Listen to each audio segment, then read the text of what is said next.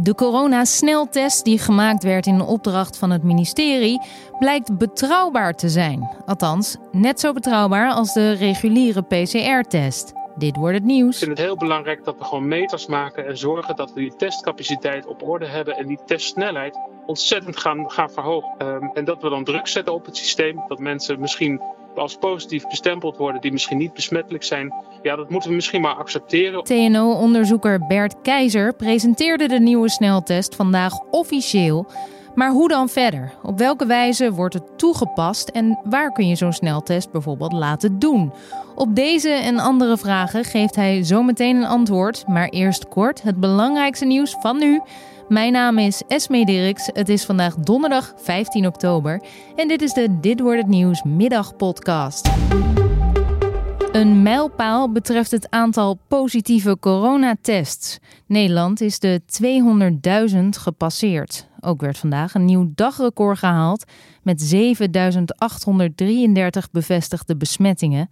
En dat zijn er ruim 500 meer dan een dag eerder. In totaal zijn in het land nu 1526 coronapatiënten opgenomen in een ziekenhuis. En de eerste daarvan worden vrijdag of zaterdag overgeplaatst naar Duitsland. Dat zegt Ernst Kuipers, voorzitter van het landelijk netwerk Acute Zorg. De maximumcapaciteit in de Nederlandse ziekenhuizen is nog niet bereikt, zegt hij.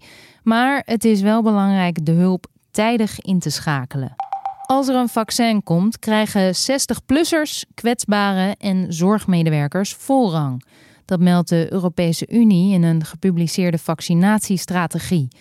Ook moet prioriteit worden gegeven aan mensen met essentiële beroepen en personen die geen afstand van anderen kunnen houden. De vaccins zullen centraal worden ingekocht bij de farmaceuten en vervolgens worden verdeeld over de EU-landen op basis van de bevolkingsgrootte. Landen worden dringend verzocht te zorgen voor voldoende inentingscapaciteit en personeel. BMW stopt in 2023 met de autoproductie in Nederland. Dat heeft de Duitse fabrikant medegedeeld aan de Eindhovense fabriek die de auto's maakt. Het personeel, dat bestaat uit 5000 medewerkers, is al ingelicht. Het is eh, volgens de directeur van de VDL-groep een grote teleurstelling. En ook de politiek noemt het een harde klap voor het personeel, maar ook voor de regionale economie. Minister Wiebes gaat de fabriek helpen in de zoektocht naar nieuwe opdrachtgevers.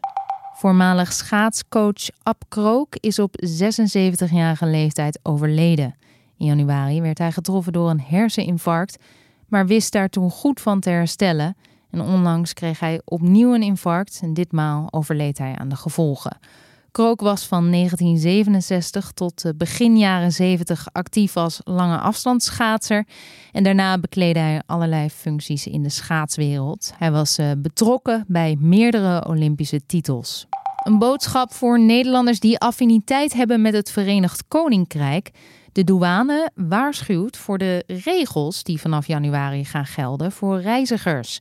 Uit onderzoek blijkt namelijk dat de brexit een uh, veelbesproken onderwerp is, maar dat de kennis over de gevolgen wat achterblijft. Met name als het gaat om bagageregels gaat het mis. Ondervraagden denken bijvoorbeeld dat ze gewoon nog een blok cheddar of uh, Schotse zalm mogen meenemen. Maar dat is niet het geval. De regels kun je bekijken via de website Wijs op Reis en de douane reizen app. En dan het nieuws van deze dag. TNO heeft een nieuwe corona-sneltest ontwikkeld. En daarmee behoren de lange wachttijden wellicht snel tot de verleden tijd. De zogenoemde LAMP-test geeft uh, mensen met klachten binnen drie kwartier tot een uur uitslag. En samen met de GGD deden ze een proef. In de Amsterdamse Rij werd daarvoor een monster gevraagd aan uh, mensen die daar kwamen voor een reguliere test, zodat uh, de uitslagen vergeleken konden worden. 900 werden dat er en daaruit bleek dat de sneltest in 99% van de gevallen dezelfde uitslag gaf als de gewone test. De test werd zojuist gepresenteerd aan uh, minister Hugo de Jonge. Aan onderzoeker Bert Keizer van uh, TNO, de afdeling microbiologie, vroeg ik wat de minister ervan vond. Hij was heel enthousiast, uh, niet alleen over onze test, maar ook de andere testen die, die er gepresenteerd werden. Mm -hmm. wij konden vandaag melden dat wij uh, onze test hebben kunnen valideren uh, met de GGD Amsterdam in de RAI. En dat de validatie geslaagd is, dat onze test ja, voor 99% identieke resultaten geeft als, als, de, als de PCR, dus de reguliere test. Ja, dat is natuurlijk fantastisch, want dan nou, op dat moment kan je de test gewoon inzetten als testmogelijkheid. Minister De Jonge reageerde in elk geval uh, enthousiast. Uh, hoe werkt de test precies? Is dat ook uh, met een wattenstaafje? Ja, dus we beginnen eigenlijk net zoals bij de reguliere test met een wattenstaafje. Dat kan van de mond, mondholte zijn of ook de, de neusholte, wel, wel bekend. Um, maar onze test, wat wij detecteren, is het genetisch materiaal van het virus. Um, en in dat opzicht lijkt het een beetje op de PCR, maar de test die wij hebben is een heel stuk sneller. Um, hij is goedkoper um, uh, en, en, een stukje robuuster. Met robuuster bedoelt hij dan ook uh, net zo vervelend als sommigen de PCR-test ervaren? Nou, de afname is natuurlijk niet prettig. maar wij, wij hebben uiteindelijk lichaamsmateriaal nodig. Hè? Dus inderdaad een beetje uit de neus of uit de keel waar het, uh, waar het virus in zit. En wat wij kunnen doen is, wij gaan vervolgens dan het, genetisch materiaal van het virus, dat gaan we heel specifiek kopiëren. En, en bij het kopiëren kunnen we het ook op een gegeven moment een kleurtje geven en dan kunnen we het meten. Um, uh, maar de afname, dat is inderdaad niet zo prettig, uh, wordt door sommigen niet zo, als niet zo prettig ervaren. En op welke op welke manier uh, verschilt jullie test van de andere sneltests die al uh, zijn goedgekeurd door het ministerie van Volksgezondheid? Dus van de Amerikaanse bedrijven BD en uh, Abbott. Is er een, is er een verschil? Nou, technisch zit er een verschil. Dus de test van Abbott bijvoorbeeld, die gebruikt antistoffen, dus antilichamen, om uiteindelijk het virus aan te kunnen tonen. Um, en die test werkt met een soort kaartjes en een soort stripjes waar je dan vervolgens een bandje op ziet. Nou, dat werkt uitstekend als je niet zo heel gek veel uh, monsters hebt. Is dat een hele goede test. En ik begrijp dat, uh, nou, dat de, rest, de testresultaten daarvan heel bemoedigend zijn. Mm -hmm. um, het voordeel van onze test is dat die ook heel erg opschaalbaar is. Dus um, om bijvoorbeeld duizend monsters te analyseren, uh, ja, dan vergt het een aantal handelingen. Maar duizend van die losse kaartjes analyseren, dat is gewoon heel veel handwerk. Hmm. Dus in, in praktisch opzicht is, uh, ja, is onze test bij grotere aantallen wat makkelijker. Nou kan ik me voorstellen dat je op andere locaties, bijvoorbeeld een, een huisartsenpraktijk of een verpleeghuis of wat dan ook, dat je daar bijvoorbeeld juist weer met een ander type test aan de slag gaat. Waarbij je niet zo heel veel mensen hebt, maar wel heel snel de uitslag wil hebben. Ja, dus ja. de verschillende testen zullen uiteindelijk wel een eigen, ja, een eigen plek en een eigen functie weer weten te vinden. Ja, oké. Okay. En volgens u, hè, hoe leveren deze snel testen nou de beste bijdrage aan het uh, controlesysteem? Moeten we dat zien als aanvullend? Is het een aanvullende test of kan de PCR-test op den duur verdwijnen? Nou, op dit moment is er gewoon ontzettend grote behoefte aan, uh, aan testcapaciteit. Dus wat op dit moment kan, alles wat kan bijdragen, is, is gewoon mooi meegenomen. Um, idealiter wil je wel dat, dat mensen sneller hun resultaten krijgen. Dus een, uh, ik noem maar iets, een, iemand die voor de klas staat uh, en een beetje verkouden is, ja, het maakt nogal wat uit of die wel of geen corona heeft. En als die een uur later, anderhalf uur later, een bericht krijgt van nou, het is, uh, bent wel verkouden, maar het is geen corona. Dan kan vervolgens uh, de, de, hele schoolklas kan daarna ook weer van start. Dus het, het, snel, het snel kunnen teruggeven van resultaten zorgt ook dat we als Nederland gewoon, ja, Nederland bedrijvig blijft. Dat we, dat we de dingen kunnen doen die we met z'n allen moeten doen. Ja. En daarnaast is het van heel groot belang dat we, uh, om het virus onder controle te houden, dat mensen die echt besmet zijn, dat die ook snel zeg maar uh, in quarantaine gaan. Dat die niet de kans hebben om anderen te besmetten. En ook daar zal het sneller teruggeven van testresultaten een heel belangrijk aspect in zijn. Oké, en, en hoe wordt jullie specifieke test, deze LAMP-test van uh, TNO, dan uh, toegepast? Wat zijn de ideeën daarover? Nou, wat we de afgelopen tijd hebben gedaan om de test ook uh, te valideren, zo noemen we dat, hè, te vergelijken met de reguliere PCR-test, is dat we een, een zogenaamd pop-up lab hebben neergezet in de RAI in Amsterdam, hè, waar, waar een teststraat is. En er zijn monsters afgenomen op de RAI en die zijn niet met een busje of met een koerier naar een testlaboratorium gebracht.